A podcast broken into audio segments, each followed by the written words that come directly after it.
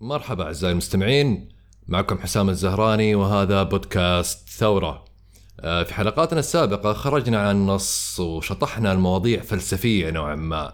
بس في حلقتنا اليوم بنعود لموضوع البودكاست الأساسي الثورة الصناعية الرابعة تحديدا وتفصيلا. آه، ولذلك آه، قررنا نجيب صوت جديد له وزنه وخبرته لينضم لنا في البودكاست المهندس ماجد الشنقيطي. كخبير عتيد ومتحدث دائم في عديد من المحافل والمؤتمرات الخاصة آه، بتقنيات الجيل الرابع من الصناعة كما يفضل أن يسميها. بنبدأ مع سلسلة خاصة من الحلقات اللي تركز على تقنيات الثورة الرابعة من الناحية التقنية والاقتصادية والاجتماعية وكيف بتأثر على حياتنا وش الفرص اللي بتخلقها لرواد الأعمال والمنشآت الصغيرة وصولا للشركات الكبرى وربما الدول. آه، بداية أهلا أبو يوسف. حياكم الله. أبو يوسف صراحة أشكرك على إعطانا هالفرصة رغم انشغالاتك. آه، خل نعتبر أن المستمع أول مرة يسمع البودكاست. إذا ممكن تعطيه نبذة بسيطة عن نفسك ومن ثم أترك لك المجال للحديث عن الثورة الصناعية الرابعة من منظورك. طيب آه، بسم الله الرحمن الرحيم. الحمد لله رب العالمين والصلاة والسلام على أشرف الأنبياء والمرسلين. اللهم علمنا ما ينفعنا وانفعنا بما علمتنا. أشكر لكم حقيقة الاستضافة و... وأتمنى أن نقدر نضيف آه، لفائدة للمستمعين بإذن الله. المهندس ماجد أحمد الشنقيطي أنا خريج جامعة البترول معادن هندسة حاسب آلي دفعة 90 تخرجت الحمد لله في سنة 96 أحمل ماجستير في إدارة الأعمال.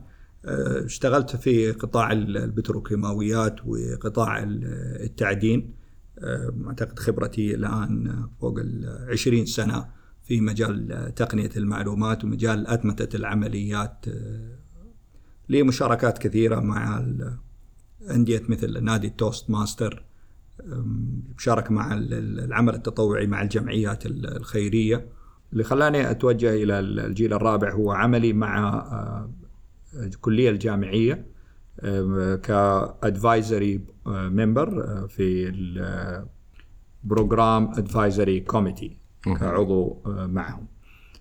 آه، هذا اللي خلانا نبدأ نطلع إلى آه، التقدم التقني وانعكاساته على الأفراد وكيف نقدر نجهز الجيل من الشباب وحتى الجيل الناشئ من من الابتدائي وإلى إلى إلى ما يصل إلى مرحلة التوظيف.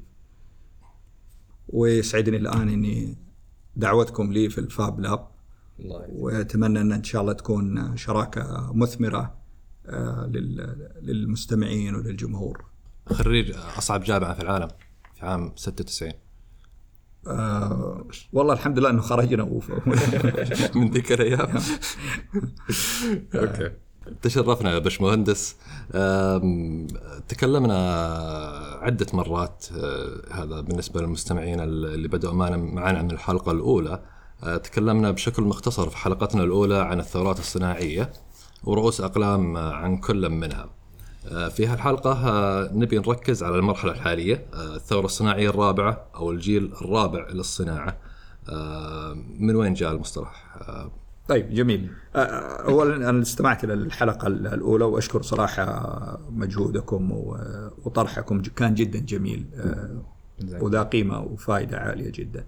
خاصة نبغى نبسط المصطلح اليوم في كثير من الشركات آه، لو تروح لليوتيوب ناس كثير يتكلموا على الجيل الرابع لكن يتكلموا بلغة آه، تقنية لا يستوعبها الجميع فإحنا نحتاج إن نبسط.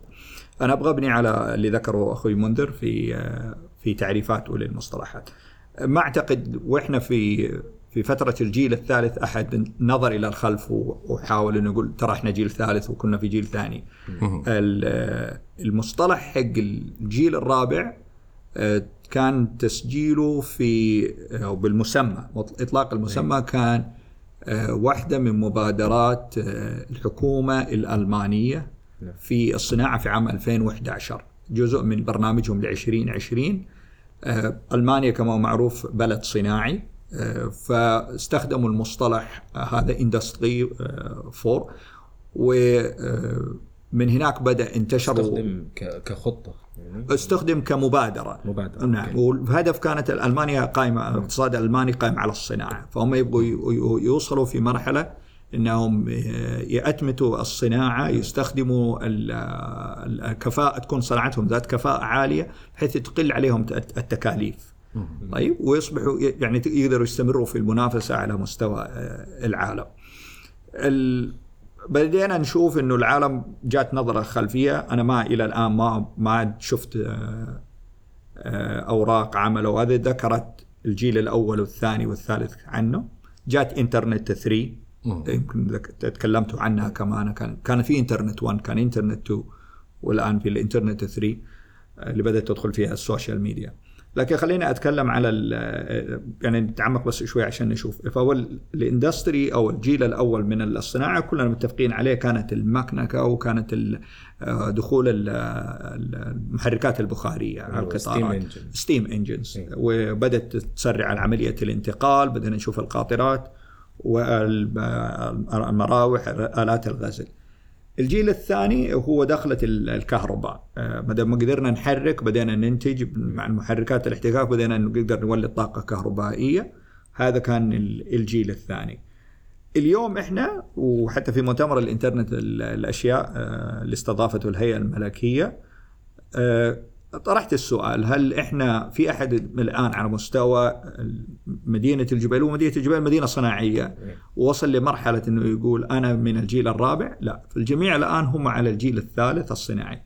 الجيل الثالث هو بيستخدم الاتمته عن طريق الروبوتات عن طريق ال computers عن طريق ال automated. يعني عندنا مصانع اليوم في مدينة الجبيل ومدينه راس الخير آه، بتستخدم الروبوت فمثلا في في عمليات الدرفلة والعملية الدرفله هي عبارة عن عملية تشكيل للمعادن من دخول المنتج على خط الدرفله إلى خروجه. هذه ممكن تقوم فيها الروبوت آه، كامل. بدون تدخل أي بشري. بدون أي تدخل بشري في في العملية كاملة. يعني خرجت مداخلته للفرن وإعادة تسخينه وبعدين تشكيله هذا. كل العملية إذا كان يحتاج إلى رش بويه إلى ما ينتهي هذه كلها هذه تعتبر اللي هو من الجيل الثالث. هذا هذا من الجيل إيه. الثالث. نعم هذا من الجيل الثالث من إنه تدخل بشري صارت الروبوتات هي اللي تسوي هذا الشيء. بالضبط. هل هي لأنها خطيرة في المنطقة هذه يعني مثلا؟ أحيانا بتستخدمها نعم لأنه على أساس تقليل الأخطاء الأخطار البشرية مثلا عندك على خط إنتاج السيارات الآن ما الروبوت هو اللي بيقوم ببخ البوية ضرب البوية للسيارات يصير الأكيورسي حقته عالية. بالضبط اللي هو الاكيورسي عالية تقليل المخاطر الصحية على على العاملين. بالضبط. التطور يستمر. فلو لاحظتوا يعني لو رجعنا بس رجع فينا الزمان يعني مع الروبوتات بدينا نشوف آه، تطور على آه، إنترنت الأشياء بدينا نشوف تطور على السحابية. الحوسبة السحابية. الحوسبة السحابية. بدينا نشوف تطورات في كل مكان. لكن الذكاء الصناعي التعلم الماشين ليرنينج كلها أجزاء لحالها. الجيل الرابع الآن حسب ما تعرفوا جارتنر وهي وحدة الشركات الاستشارية المعروفة على في عالم الحاسب الآلي وعالم التقنية. هو حيكون نموذج حيجمع هذه كل التقدمات التقنية هذه كلها مع بعض بحيث إنه يصبح عندنا نموذج عمل باستخدام المجموعة كاملة. أطلق على هذا النموذج أطلق عليه هو الجيل الرابع فهو يعني ما عندنا نقدر نقول هل ال Internet of Things انترنت الأشياء هي الجيل الرابع؟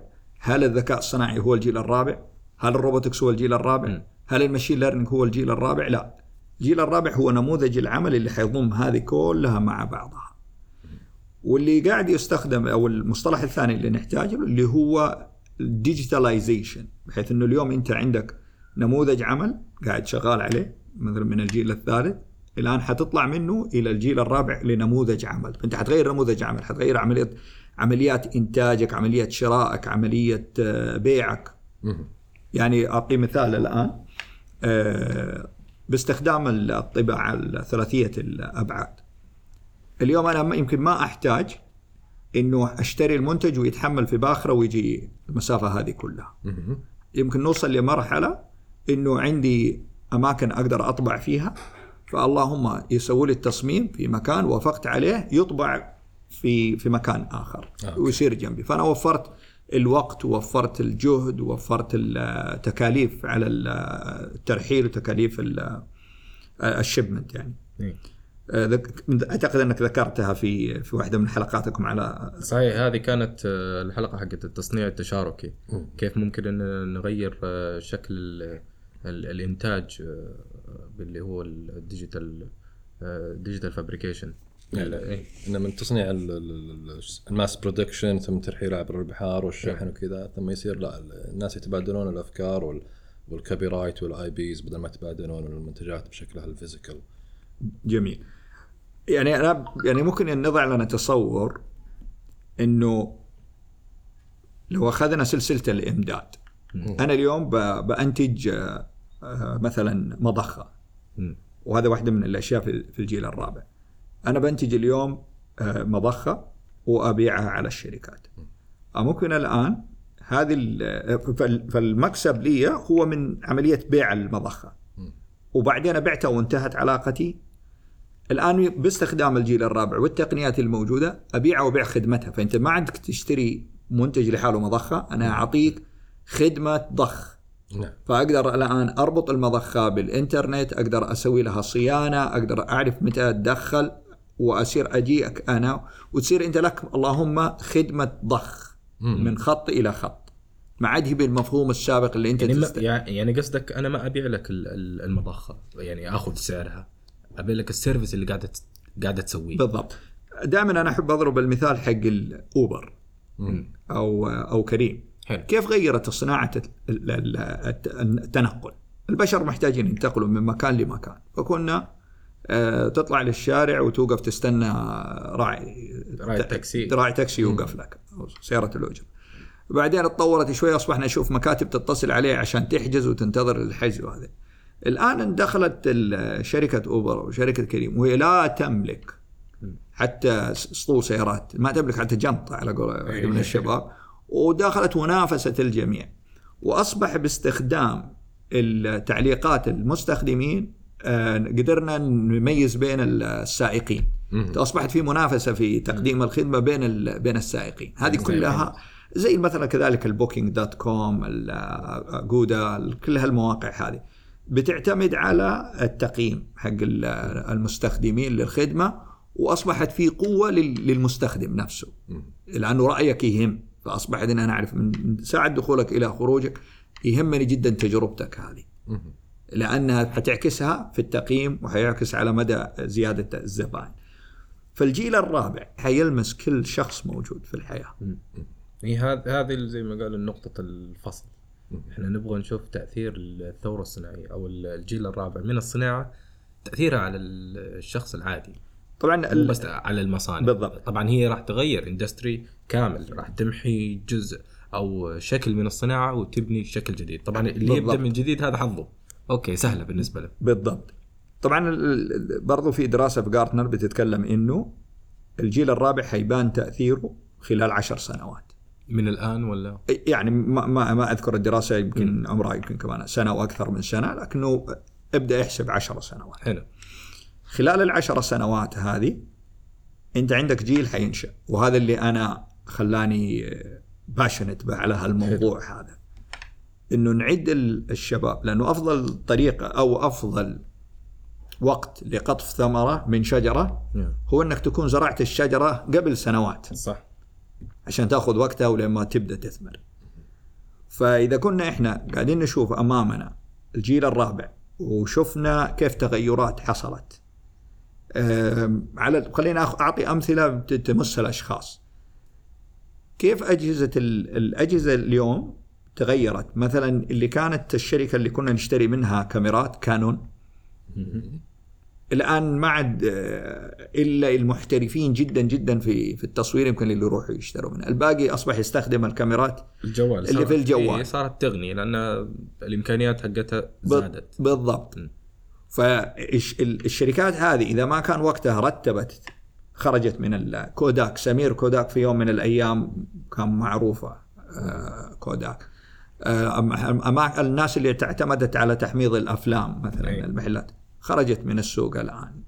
قليل باقي حق إثباتات الشخصية. صحيح.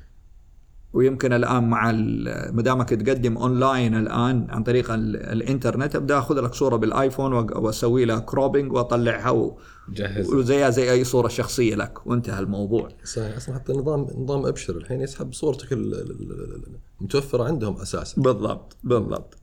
فهذا فيما يخص ال- ال- ال- الجيل الرابع وتأثيراته على ال- الأفراد. فإحنا الآن في وظائف يعني مثلا الوظائف المشغلين. المشغلين الآن اللي غالبا. يستقطبوا من حملة شهادات الدبلوم. ال robots حتبدأ تأخذ أماكنهم. هذا إعلان واضح يعني أي أحد عنده دبلوم موضوعك انتهى يعني مو موضوع انتهى إيه. يبدأ يطور من نفسه كان في لقاء في أمريكا مع senators على موضوع آه، اللي حصل في 2008 الانعكاسات ال- الأزمة المالية اللي حصلت في 2008 وكان في إغلاق لبعض المصانع في ولاية ديترويت.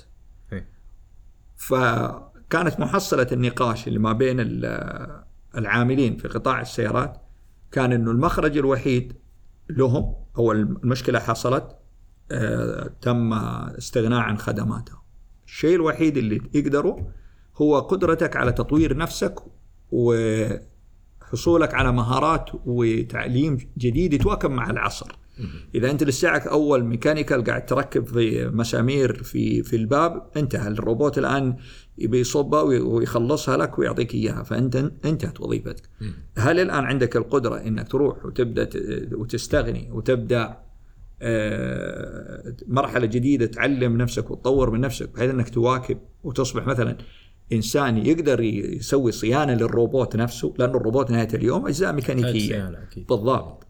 فإذا أصبحت أنت رحت توجهت إلى الآلات الدقيقة صيانة الآلات الدقيقة حتلقى لك مجال عمل أو الرزق بيد الله عز وجل. المهم إنه الإنسان يبحث عنه. هذا اللي خلانا نتكلم. إذا كنا نقول إنه الجيل الرابع حيجي بعد عشر سنوات إيش نحتاج نسوي حتى نكونوا جاهزين؟ ما هو إن لأنه في عندك ثلاثة أشكال. يا إنك تقود يا إنك تتبع يا إنك في المؤخرة. أكيد. فإذا كنا إحنا نبغى نتبع. هذا حيحصل علينا. اليوم في كثير من التطبيقات يفرض عليك البرنامج. إيه. يعني مثلا آه، خلينا أعطي مثال الآيفون في يد كثير من الناس. الآيفون تملك فيه ثلاثة أربعة أزرة. تجربتك أنت الشخصية مع الآيفون مو أنت اللي تتحكم فيها. يف تفرض عليك فرض أنك لازم تسوي آه، لازم تحرك إصبعك بهالطريقة عشان يطلع لك الشاشة هذه. لازم توديها. مم. ما هو متروك لك الخيار. مثل مع المصادر المفتوحة مثلا في أندرويد مثلا لا- إلى حد ما يعني. okay؟ فهذا اللي يخليك أنت تصير كمستخدم تصبح تابع لها وتبدأ تشوف الانعكاسات على استخداماتها. يعني السناب شات ما أعتقد إنه اللي سوى سناب شات كان يفكر إنه حيستخدم للدعاية. فمجرد ما بنوا. بنوا الشبكات آه، الاجتماعية وبدأ كل واحد عنده تابعين بدأ يستغلها في آه، الدعاية والإعلان. وبدأ أصبحت مصدر مدخل. أصبحت مصدر دخل للناس. بعد كذا انعكست على إنه أصبحت فيه دعايات مغرضة. آه، بدأت الدولة حفظ الله تتوجه وتقول لا خلونا نحط نظام لهم مو أي أحد يجي آه، يقدر يعلن. لازم يكون في تنظيم معين لها. هذا اللي بيحصل مع التقنية، التقنية بتروح قدام، الناس بتخترع استخدامات لها، هذا اللي أنا أذكر اللي أقصد فيه إنه إحنا نكون تابعين. الأفضل إذا كنا جاهزين مستعدين بالمهارات وكل ما تحتاجه الجيل الرابع نكون إحنا قادة للجيل الرابع، ما أصبحت التكنولوجيا حكر على دول معينة أو على اجيال معينة. أو على فئة عمرية معينة. اليوم الفكرة آه، يمكن تصنيعها يمكن وضعها ثم نشرها على مستوى العالم والحقوق الفكرية ب- بتحفظ لك حقك في في في- الفكر يعني يعني تشوف إن الجيل هذا. بيردم الفجوة ما بين العالم الأول والثالث يعني الآن. أنا أعتقد إنه حيختفي. مصطلح عالم أول وثاني وثالث. لأنه زي ما ذكرت لك يعني في كتاب في كتاب لماذا بعد أمريكا للكاتب زكريا آه، صدروا في 2008 أمثلة كثيرة. الآن أعطيك مثال. الهند. لو تروح لمدينة زي بنغلور أول ما تنزل من المطار تمشي تشوف البيوت ال- الشعبية. البيوت الشعبية والناس اللي على قد حالهم.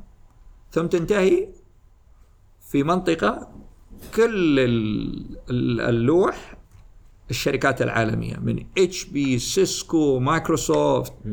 سميها. كلهم هناك.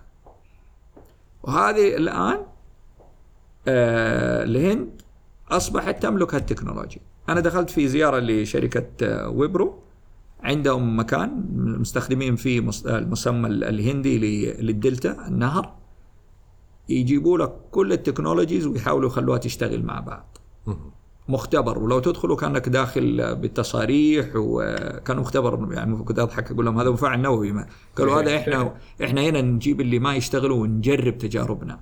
نخلي مثلا برامج زي ال SAP يشتغل مع ال Oracle السيرفرات أو الخوادم اللي جاية من شركة نخليها تشتغل مع شركة ثانية. integration بالضبط يب- يبنوا الخبرة يبنوا الخبرة ويبنوا تجاربهم واللي تبغاه منهم يسووا لك إياه.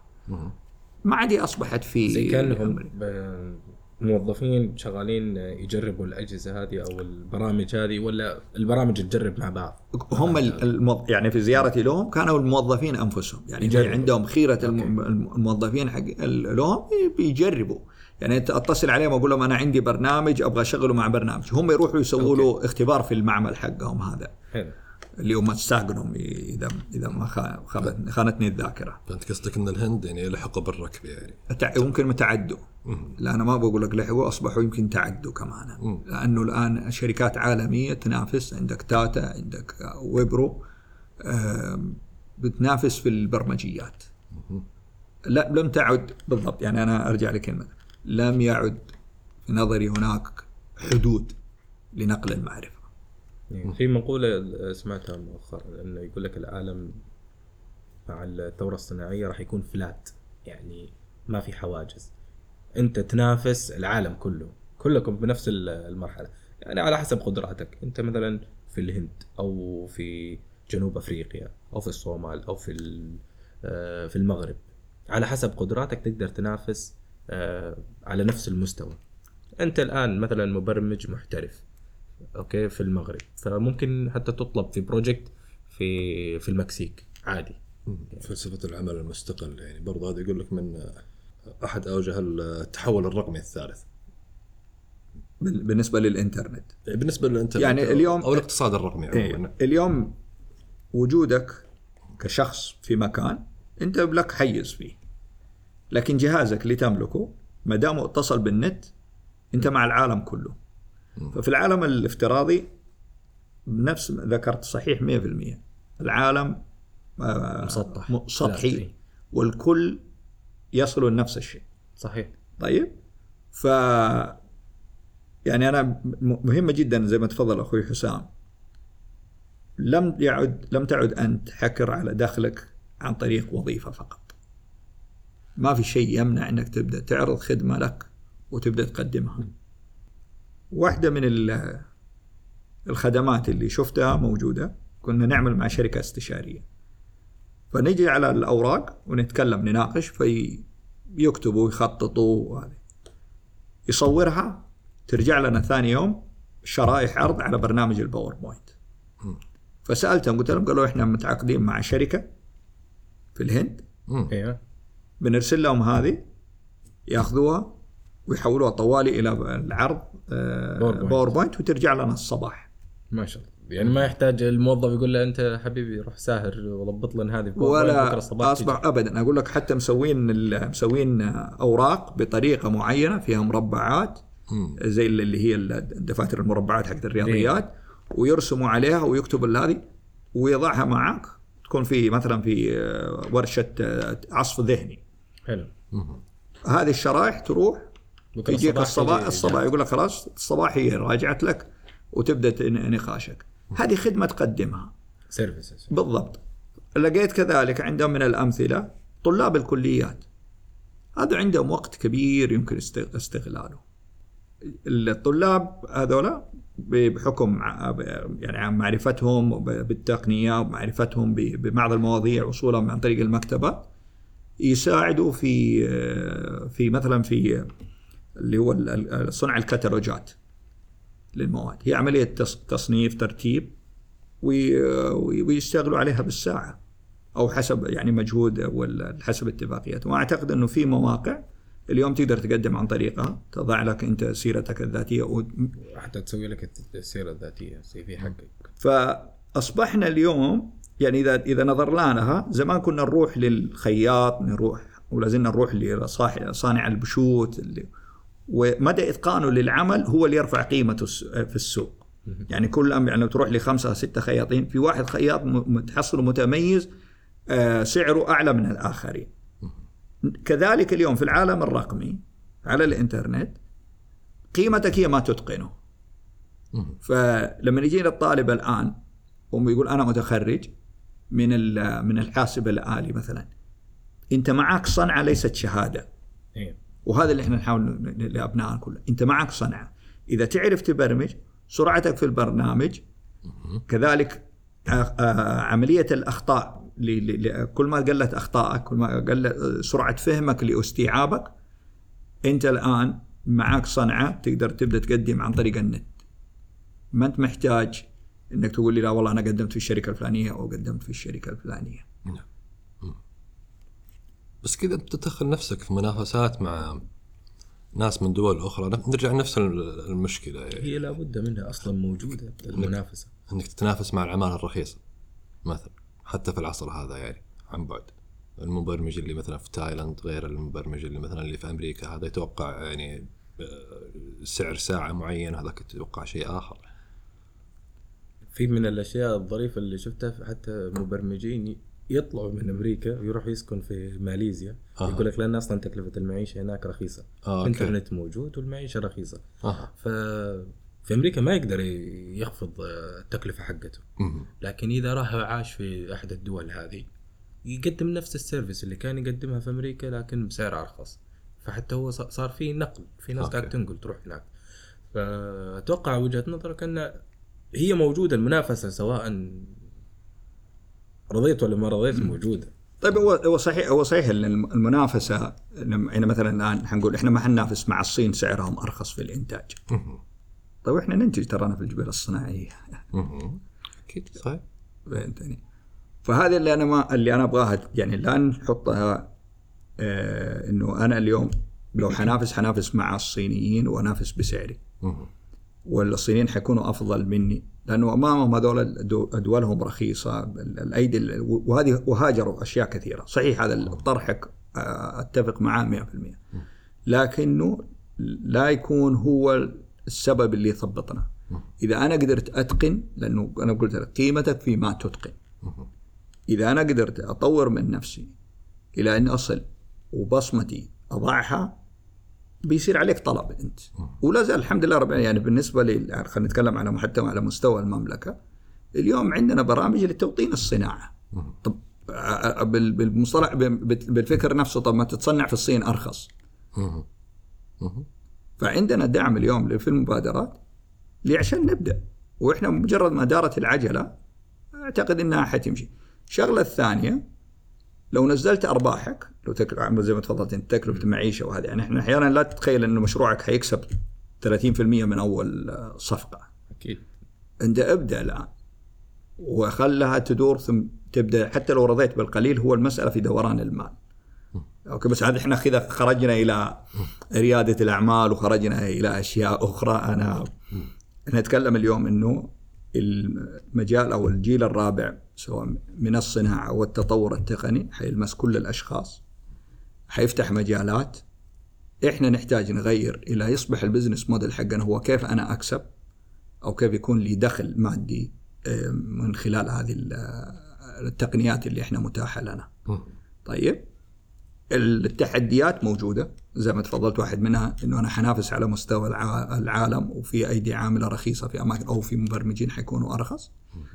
خليني أقول لك خلينا نحطها من الناحية أخرى إذا سوينا SWOT اللي هو ال strength اللي هي القوة والضعف وال opportunities اللي هي ال- الفرص. الفرص والتهديدات اللي هي ال threats وتبدأ منها لل business model حقك.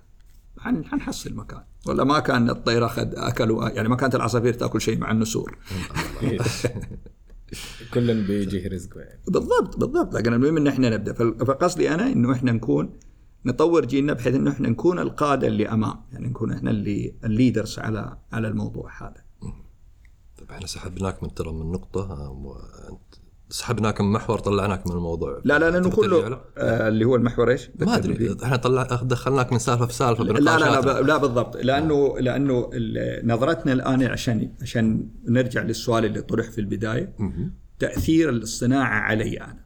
فأنا الآن زي ما قلت لك التأثير التطور التقني والجيل الرابع إما حيتأثر علي وأكون أنا تابع له كمستخدم زي ما تفضل أخوي منذر أو أنا أصبح قيادي فيه عشان أنا أصبح قيادي فيه لازم نرجع نن- ننظر إلى إلى التعليم. طيب؟ وأنا ما حروح إلى منظومة التعليم وهذا أنا ما بتكلم فيها. رغم التطور اللي أنا بشوفه. أنا عندي أولادي الحمد لله في كل المراحل. شايف التطور حق المناهج. لكن لا تزال احتياجنا إلى تطوير مهارات أخرى نحتاجها من ناحية الجيل الرابع. وهذا اللي ودي إن إحنا نبدأ نتكلم عنها أو نعطي لها وقتها آه، واللي المهارات الدراسة اللي أو العرض اللي قدمته مع الدكتور عبد الواحد الواحد العبد الواحد آه، كانت على آه، المهارات اللي نحتاجها واعتمدنا فيها على الألمان بحيث إنهم هم المتقدمين في الجيل الرابع في وقت الدراسة اللي أنشئت. أعتقد إنها كانت في 2000 و ما ما احترم التاريخ آه، ومنها إحنا نط- ننطلق على إيش المهارات اللي أنا أحتاج أطورها وأنميها. سواء أنا في في مدرسه يعني سواء أنا كأب لأب أطورها عند أبنائي أو أنا في مرحلة تعليمية جامعية أحتاج إني أطورها أو أنا على رأس العمل آه، أبدأ أبحث آه، عن كيف أنا سبل تطويرها وكيف أنا أواكب التقنية. طيب مهندس ماجد آه، أبو يوسف الحين الاساطين الاقتصاد يتنبؤون بمستقبل مختلف واساطين التقنية يبشرون بتقنيات جديدة. تحت مصطلحات كثير. ال IoT إنترنت الأشياء تعلم الآلة ال machine learning آه، التصنيع الرقمي اللي أشغلنا الناس فيه إحنا هنا في ال Fab Lab آه، ال big data تعدين البيانات ال data mining البلوك تشين الحوسبة السحابية آه، مصطلحات كثير. يمكن بعض الناس يضيفون لها التجارة الإلكترونية والمصادر المفتوحة إلى آخره. وش مدى مصداقية كل من هذه التقنيات؟ هل هي ثورة بالفعل أم أنها مسميات براقة جديدة لتقنيات قديمة؟ آه، خلينا نبدأ بال IoT بحكم إنك. يعني خلينا أول حاجة قبل لا نبدأ في ناخذهم مصطلح مصطلح. يعني خلينا نتكلم كيف تطلق المصطلحات يعني عنها مثلا أذكر إنه آه، كانت شركة ال HP خرجت بفكرة كانوا يتكلموا إنه ال IT utility وضربوا لها مثال هذا الكلام أعتقد كان في عام عام 2002 قال لك إن إحنا اليوم لما تبغى تجيب جهاز على بيتك جهاز كهربائي كل اللي يهمك إنك تعرف كم الفولت حقه وكم الأمبير.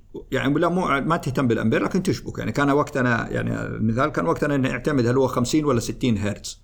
تمام؟ وتشبكوا على ال- الكهرباء. ما عمرك تروح تتصل على شركة الكهرباء تقول لهم أنا اشتريت جهاز أقدر أضيفه ولا لا؟ وقتها كان عشان تضيف جهاز حاسب آلي لل- لل- للشبكة كان لازم عندك ال drivers ولازم تعرف آه، شغلات كثيرة كانت. ولازم تطلع ال IP وتتصل على شخص عشان يعطيك IP address ويعرف وتعرف الجهاز عليه وتعرف اسم المستخدم كانت شغلة كثيرة. وبعدين طلعت فترة صار اسمها plug and play مع ال Windows 98 وب- وكانت في بداياتها فكنا نقول plug and hope to to play تمام؟ ولا plug and pray كانوا انها إنها حتشتغل يعني. آه، أشبكها وادعي إنها تشتغل. بهذا فكان اسمه IT utility ك initiative.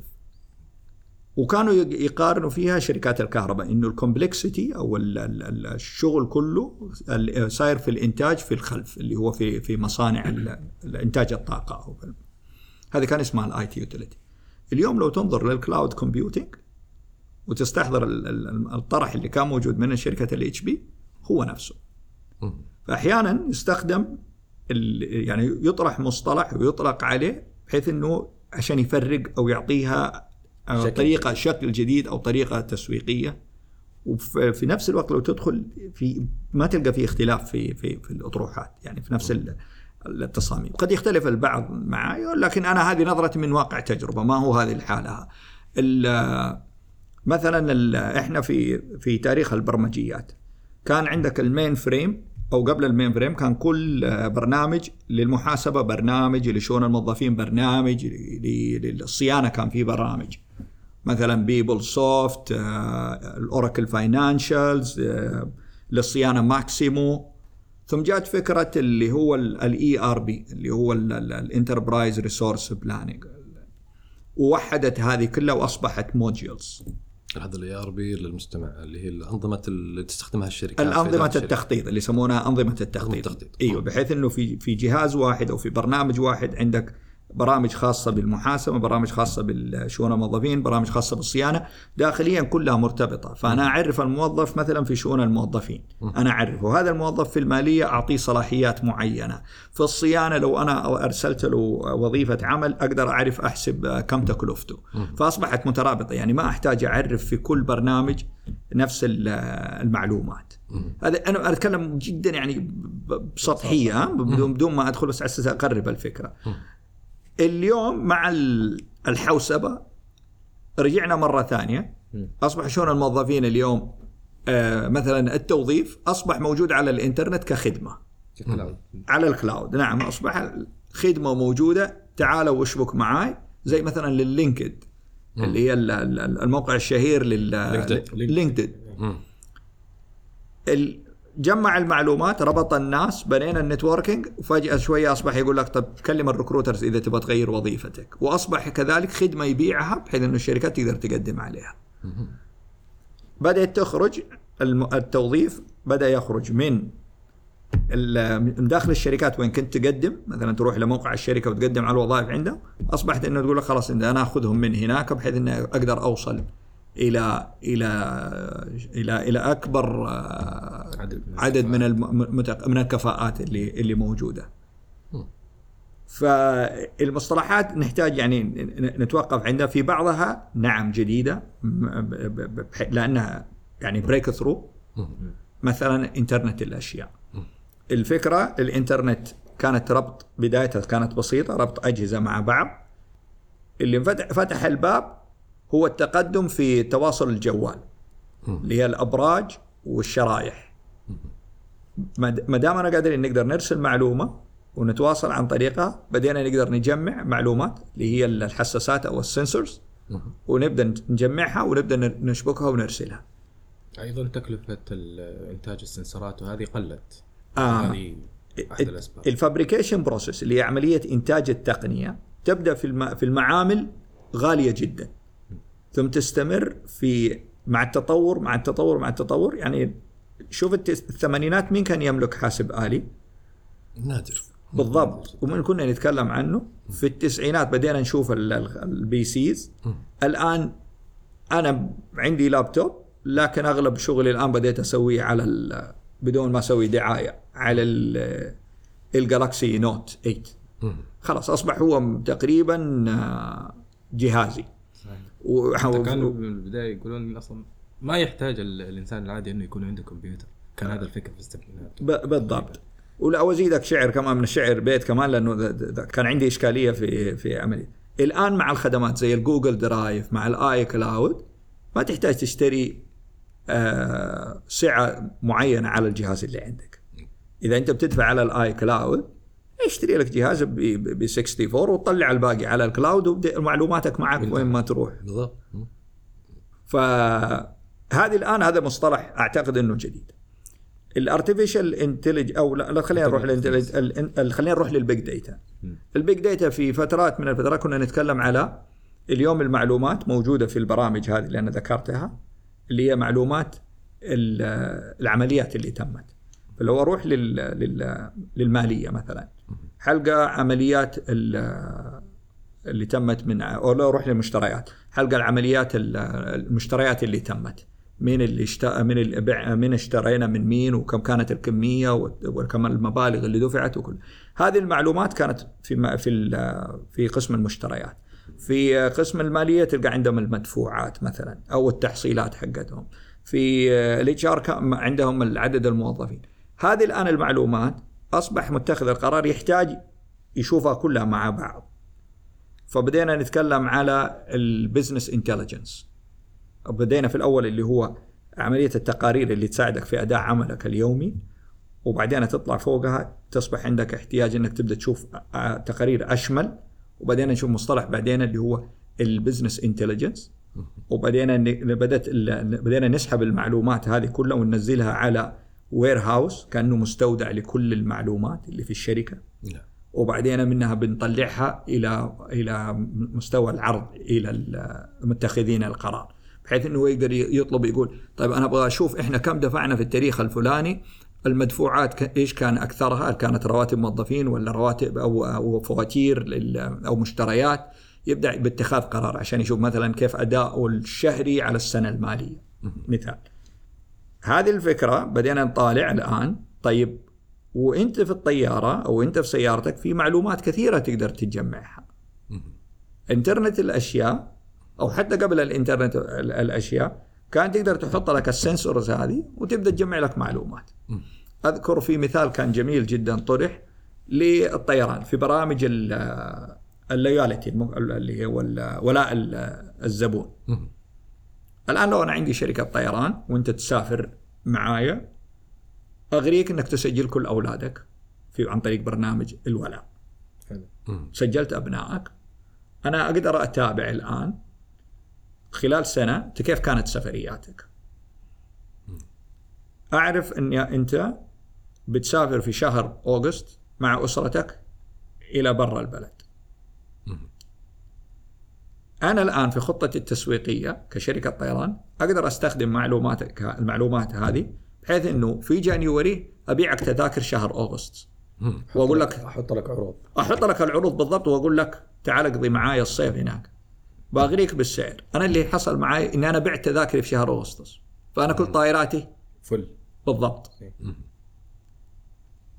فمثلا بتابع وراء ابنائك ابنك بيسافر مثلا يدرس برا البلد أو عنده كذا أو عندك أنت أبدأ أعطيك عروض لابنك هذا. فأنا كذا الآن بديت أجمع معلومات عن الأشخاص وبديت أستخدمها. مثلا جوجل. أه وأعتقد إنه هذه الخاصية أنا بس ما فعلتها شوية متأخر في استخدام التقنية. أه لكن أقدر أتابع حالتك اليومية. واقدر لما أعرف إنك مثلا أنت من محبين تشرب كوفي في مكان معين. مجرد وصولك مثلا لمدينة مدينة من المدن أقدر طوالي أقول لك ترى محلك اللي تحبه بعيد عنك بهذه المسافة. حلو. ولو رحت هناك واشتريت من عندهم ورابطينك إحنا بنروح للمحل ونقول له ترى إحنا اللي جبنا لك الزبون هذا. صارت في خوارزميات تتنبأ حتى باهتماماتك أنت. بالضبط. وهذا اللي يحصل الآن معاك. أحيانا يعطيك الجوال يقول لك مثلا ال iPhone built in يقول لك كيف استخداماتك اليوم لل social media. فأنت تقول إن بعضها يعني بعضها بالفعل مجرد مسميات تسويقية وبعضها بالفعل تقنيات جديدة وبعضها تقنيات جديدة تم تطويرها بشكل حديث يعني. بالضبط. طيب هل تشوفها بتتك... يعني أنت و... أجبت على السؤال هذا بشكل أو بآخر إن هل بتشوفها بتتكامل مع بعضها ولا كل منها في فلك؟ هل بتشوفها بعض الناس يتنبؤون إن الأشياء هذه لما تتكامل مع بعضها بيختلف البشرية أو بتضيع البرايفسي الخصوصية الفردية. بعض الناس يتكلم عن سنجولاريتي اللحظة اللي التقنيات أو ال- العالم التقني أو شبكة الإنترنت في العالم بتبدأ تصل لمرحلة الوعي يمكن هذه شوية خيال علمي آه، لكن هل تشوف إنها خطر على ال- المستخدم العادي عندما تتكامل هذه التقنيات بتنعدم الخصوصية؟ مثلا زي ما ذكرت أنت قبل شوي. خلينا نعيد تعريف ال- الخصوصية. آه، وهذا هو المهم. يعني اليوم أنت الخصوصية وهذا تتكلم عن التنظيمات. يعني التعريف وبعدين نحط ال- القوانين اللي تحمي الخصوصيات و... وجهازك هو اللي تملك أنت. آه، كان في تجربة جميلة جدا آه، عملت بحيث إنك تروح عند عراف ويتنبأ لك أو يعطيك معلومات كثيرة عنك. بالفعل هو ما هو عراف هو كان بيستخدم حساباتك على الفيسبوك كانوا موجودين أشخاص أيوه. ويبحثوا لك ويطلعوا لك معلوماتك من على من على الإنترنت. ما يخفى على أحد اللي حصل في الفيسبوك. آه، ما حد يخفى عليه عملية الآن أنه استخدام هالبرمجيات في اختيار رؤساء شركات أو في صعود أو نزول دول وحكومات. مم. هذه كلها مرت على الناس فالكل صحي لل- للتقنية وكيف استخدامها، أصبحنا نتكلم عن الإعلام الجديد. صح طيب هل هذه التقنيات حتتكامل مع بعض؟ أعتقد هنا اليوم الفكرة تولد التقنية تنشأ استخدامها ليس للأشخاص تصبح استخدامها ما هو للمطورين أنفسهم الاستخدام يفرض عليهم بطريقة المستخدمين النهائيين. مثال سناب شات لتسجيل اللحظة. أصبح الآن مصدر دخل من برنامج دعايات وإعلان. الفيسبوك والله أصبح ما عارفين أصبح لكل شيء. الواتساب الآن يمكن بدأ بفكرة الآن بدينا نشوف واتساب للأعمال. صحيح. وأصبحنا كلنا نتعامل عن طريق ال- الواتساب. حتى في الصفقات وفي آه، المواعيد و... وقضى على البريد الإلكتروني. صحيح. بدينا نشوف قلة البريد الإلكتروني. الآن ترسل لي تبغى مني document أرسل لي. وتكاملت البرامج. تكاملت تويتر. الآن من السهل جدا إنك تنقل تغريدة من التويتر إلى الواتساب. وحتى لو تبغى ترسلها على أنا ما- أنا ماني مستخدم للسناب شات. لكن أنا هذا البرنامجين هم اللي أستخدمهم في حياتي عشان الواتساب والتويتر؟ أستخدم الواتساب وتويتر. هذا البرنامجين فقط. والفيسبوك وال LinkedIn بمع- استخدامات معينة محددة. آه، فالتكامل بين هالتقنيات والتكنولوجيا حيفرض عليهم اللي إحنا نسميها ال use case. ال use case هي اللي آه، حتبدأ آه، تفرض كيف حنستخدم هالتكنولوجيا مع هذه التكنولوجيا. أتوقع أن المطور يجيب فكرة. بينزل عليها البرنامج واستخدامه لكن بعد ما تنزل ما أعتقد إنه يملكها. تصبح drived by أو تقاد من قبل المستخدمين. وبعض الشركات كانوا جدا أذكياء في هذا الموضوع. إنهم عملوا آه، تغذية مرتجعة مع المستخدمين بحيث إنهم يطوروا على احتياجاتهم. وهذا كان وهذه القوة القوة التقنية أعطت قوة للمستخدمين أكثر.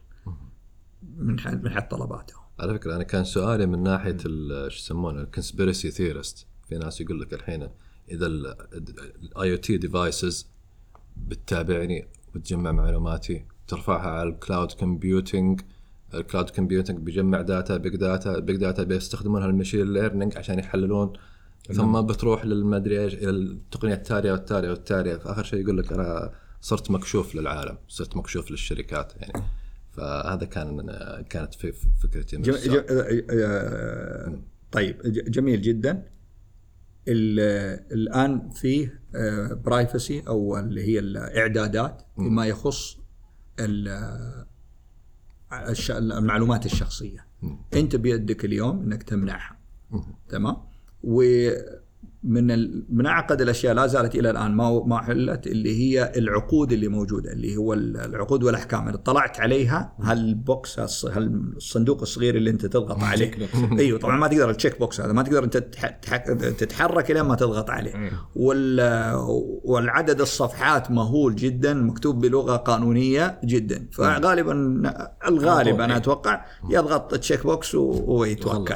اي لكن فيه بعض الأخوان مجهودات ل- ل- لكثير منهم الدكتور ياسر العصيبير على عملية كيف أحمي نفسي من من- في في المواقع التواصل الاجتماعي من البرمجيات هذه نفسها. هذه هنا ممكن تحد أو أو تمنع آه، مشاركة معلوماتك مع أشخاص آخرين أو مع جهات أخرى نظاما قانونيا يحصل. لكن خليني أقول لك أي معلومة بتخرج على النت أنا أتوقع أنك لا تملكها بعد ما خرجت. يعني الصورة أخذتها على جوال انتهت. ليست لك. أخذتها ولا ولا رفعتها؟ تفرق. أعتقد أنه إذا تركتها على الجهاز وجهازك متصل ما عاد هي فرق إذا جهازك آه، تم اختراقه. الصور لا تملكها. هذه مشكلة طيب. أه، بالضبط بالضبط. لكن إحنا كذلك أنت ما في أحد منعك إنك أنت تحمي جهازك وتتبع. يعني مثلا شبكة البيت مثلا الشبكه المنزلية الواي فاي. آه لا زلنا كنا في زيارة مرة في واحدة من المدن ووقفنا في آه، جنب آه، محل. فصاحبي شبك جواله على شبكة منزل لأنهم كانوا مستخدمين باسورد كلمة مرور اللي هي تيجي في الأساس. واستمروا على استخدامها. وهو كان بالصدفة كمان عنده شبكة بنفس الشيء شبك معهم. صار على اللوكل بالضبط دخل معهم. وإحنا جايين في شغلة معينة ننتظر لنا واحد ووقفنا عند هذا البيت. أعتقد اليوم ما في شيء يمنع إنه في شخص يدور ويبدأ يبحث عن هذه الشبكات لإساءة استخدامها واستخدامها في أشياء أخرى. الرانسوم وير. اللي هي حقت فيروسات الفدية اللي أنا أدخل على معلوماتك أمنعها إلى ما تدفع لي. بدل ما عاد الواحد يمسك له آدمي ويصرف عليه يأكل ويشرب عشان يبقى حي. أنا أنا ناخذ معلوماتك وأمسكها. أرخص علي. حتى المجرمين صاروا حتى المجرمين أصبحوا cost effective يعني. أصبحوا cost effective فاللي اللي تقوله يعني إذا الواحد يخاف على خصوصيته فيبتعد تماما يفصل نفسه. ما أعتقد إنه أصبح خيار. لا لم يصبح خيار. يعني اليوم إحنا حتى في موضوع خلينا ناخذ على مو- مو- موضوع ال- الأبناء مع استخدام الجوال. هذه معضلة عند كل الآباء والأمهات. ففي جلسة عائلية قالت الأم إن هي انها تعطي الأولاد الجوال لمدة ساعة ساعتين. هذا اكتشفوا بعدين إنه راح للمدرسة. وفوجئ إنه في عندهم آه، متطلبات أو واجبات. آه، ما أداها لأنه حطوها على الواتساب جروب اللي هم أنشأوه مجموعة على. الواتساب وأعلنها لهم الأستاذ. هو يتفاجأ مسكين. فهو ما كان عنده خبر عنها إيه. وراح للمدرسة لما وضعوها وكان النشاط ف فهذه إشكالية لأن أصبحت التقنية الكل يستخدمها. سواء وقلت لك ما عاد ال- ال- السماء هي ال- إحنا نقول sky's the limit سكازن. فاستخدامات التقنية الآن الواتساب دخل لك حتى في مجال التعليم فالآن اللي يبغى يقول لا أنا حخرج من هذا كله أصبح بعيد عن العصر مم. وأنا يعني ال- اللي جيلنا طبعا كل جيل آه، في تعريفات يمكن نغطي عليها عشان نعرفها آه، الجيل لو لاحظت الآن آه، الكبار في السن من سهولة الاستخدام أصبحوا الآن تشوفهم على السناب شات نعم. وأصبحوا يقبلوا بالسيلفي ويقبلوا بالتسجيل مقاطع لهم مم. مم. لأنها آه لو كان لي أحد لأن أصبحوا اليوم على- لما تنشرها على الواتساب العائلي مثلا مم. كل عائلة لاحظت إنه عندهم مجموعة واتساب فلما يصوروا جدتهم وهي تعطي رسالة وتوصل للأبناء أصبح في تواصل بين الأجيال إيه. إذا- يا إنها تقعد تتصل تليفون على كل واحد مم. أو إنها عن تسجل. رسالة ويرسلوها هذه كلها طبعا للأسف أنه أصبح في تجاوزات إنه بعض هذه المجموعات تخرجها خارج الم... يعني بعض المستخدمين يخرجوها خارج المجموعة فتخرج للأسف من إطارها و... وت... ويساء انتشارها. واستخدامها. صحيح. لكن ما عندك تقدر ما عندك تقدر تقول أنا حعيش في من في معزل. عن ال... عن التقنية. بل أعتقد أنا أعتقد للآباء إذا ابنك عنده حساب على الفيسبوك حساب على سناب شات حساب اشترك معه. وتواصل معه. وعلمه كيف يستخدم التقنية. يعني مثل اللي عنده مسبح في البيت. قبل لا يأخذ مسبح إذا أولاده ما يعرفوا يسبحوا حيصير كل يوم هو عنده إشكالية مع الغرق. إنه ابنائي حيغرقوا. عشان يخفف الخ- الخطر هذا يعلمهم السباحة. يبدأوا يعرفوا يسبحوا. نعم. طبعا لا زال الآن ال- ال- ال- الثقة ممكن تؤدي إلى غرق لا قدر الله وهذا مكتوب لكن على الأقل إنه قلل الخطر فالتقنية استخدامها بطريقة تعليمهم ترشيدهم المواقع اللي يروحوا لها إيش يحتاجوا يفتحوا إيش اللي ما يفتحوا. هنا حتعطيهم ال- الفرصة إنهم يبدأوا يستخدموا التقنية بطريقة آه، صحيحة. المتحمسين للخصوصية يتكلمون عن جوجل يحاولون شيطنتها إنها تستغل المعلوماتك الشخصية اللي في الإيميلات اللي في بحثك إلى آخره في التسويق لك منتجات مناسبة لك يعني. فأنا عن بشكل شخصي ما أشوف إن هذا شيء سيء بالعكس أنا أشكر جوجل إنهم مثلا عرفوا وش يهتمون فيه. إيه إنه صاروا يعرفون أنا شبي ويجيبون لي الدعايات لهذا الشيء يمكن ينبهوني أصلا. في أحد يهتم فيه. أو كذا. ف... لانهم صار يعني الحين يبنون شخصية يعني حسام شخصية افتراضية. إيش اهتماماتك؟ يجيبوا لك الأشياء اللي أنت تحتاجها. بالضبط. صارت أنت بالنسبة لك okay. إيه، صارت دعاية موجهة يعني. ذبحونا بالدعايات ال... زي زي اللي في تويتر الحين. دعاية تبغى تنحف. إيه. طيب أنا أنت أنا نحيف ناقص. تحصل تحصل نفسك حاط وزنك في برنامج معين بكذا هم وصلوا له عرفوا الوزن فبدأوا يشتغلوا عليه. ممكن. أو يمكن شافوك أنت تشتري fast فود كثير قالوا ربما حسام ممكن برضه كذا. لا اللي في تويتر عمياني ربعنا ال- إيه. الحسابات ذي التسويقية. آه حسابات التسويق. فايوه ال- طيب يجيبوا لك الدعايات اللي أنت تحتاجها بالضبط. بالضبط. طيب السؤال الأخير بشكل عام تماما هل التقنيات هذه في المجال الصناعي أو آه، في الورش حتى هل التقنيات استخدام التقنيات هذه بتخفض أو ترفع من تكلفة التصنيع بشكل مختصر يعني هل أنا راعي مصنع ومثلا بستخدم system IoT هل بتشوف إن ده بيرفع عليه التكلفة ولا بيخفضها؟ كل مبادرات الجيل الرابع الآن. يتم دراستها من عدد مع من من عدد من الأوجه. منها التكلفة. وكذلك سرعة إنجاز العمل اللي ينعكس في النهاية على التكاليف. تمام؟ ورضا الزبون. تمام؟ فما في مبادرة. ما تقدر اليوم تروح وتقول أنا حغير المصنع حقي كله وأبدأ أستخدم تقنيات الجيل الرابع. لازم تصير دراسة جدوى. تمام؟ وتشوف قديش إحنا حن حنكسب من من ال من ال هذا التحول. طيب؟ وكذلك الدراسة المفروض تتم على عدد من السنوات. يعني ما ما يسويها دراسة آنية. الآن أنا فقط المبادرة حقتي إني حغير وأنا حغير طبعا عشان تغير هذه تكلفة تأسيسية. تمام؟ وحتشيل أشياء آه، تغيرها وحتسوي تدريب للعاملين. المفروض إنك تسويها دراسة على عدد من السنوات على تقريبا يعني مثلا إحنا نسميها التك- التكلفة الإجمالية لتملك الشيء. طيب؟ بعض الناس خليني أعطيك عشان أوضحها مثلا السيارات. مم. يجي شخص ويلاقي السيارة تك- قيمتها مثلا ثمانين ألف في الوكالة واقفة في الوكالة. آه، ويجي لل- لل- للسيارات المستخدمة ويحصلها بأربعين ألف. وإذا أخذنا شخصين اتخذوا قرار واحد اشترى سيارة من الوكالة واحد اشترى سيارة مثلا مستعملة وطالع في صرفيتهم على الأربعة على خمس سنوات مثلا على مدى خمس سنوات حتلقى إنه آه، في خلال خمس سنوات اللي سيارته ثمانين ألف يمكن زاد فوقها ثلاثين ألف ريال. واللي سيارته كانت مستخدمة واتخذ قرار شراء بدون آه، بدون ما يد- يدرس جوانبه كله مدى آه، السيارة ومدى جودتها وكيف استخدامها. ممكن. تحصلوا إنه تعدى أو وصل لنفس الم- المرحلة يعني مع كثر الصيانات اللي حصلت يمكن وصل إلى 130 ألف ريال. لو انه كان قدروا إنه راح من البداية واتخذ القرار وأخذ له سيارة 80 حتى لو ينزلها في السوق ابدا. لكن أنا كذلك عشان بس برضو كمان الشريطية لا يزعلوا علي أنا, أنا كان لي تجربة. أنا أخذت الفورد آه جراند ماركيز موديل 95 آه ب- بمبلغ آه، وانتهيت. مع حسابات بدون الزيت والبنزين آه، عدد مرات الصيانة الدورية اللي قمت فيها وصلت ل 62 ألف ريال.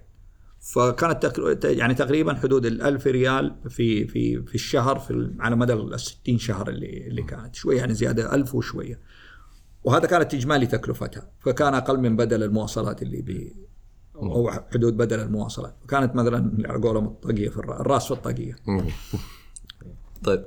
طيب أبو يوسف آه، مهندس ماجد آه، أثرت الحلقة وانبسطنا جدا معك. آه، أشكرك. ونتطلع إن شاء الله الحلقة الجاية اللي بنسجلها سوا. بإذن الله وتشرفت وان شاء الله. نتمنى أن نكون أضفنا للمستمعين. بعض المعلومات. وودي إن نشوف منهم لو في أي تعليقات. بإذن الله يعطيك العافية. منذر شكرا. يعطيك. العافية. فمان الله لو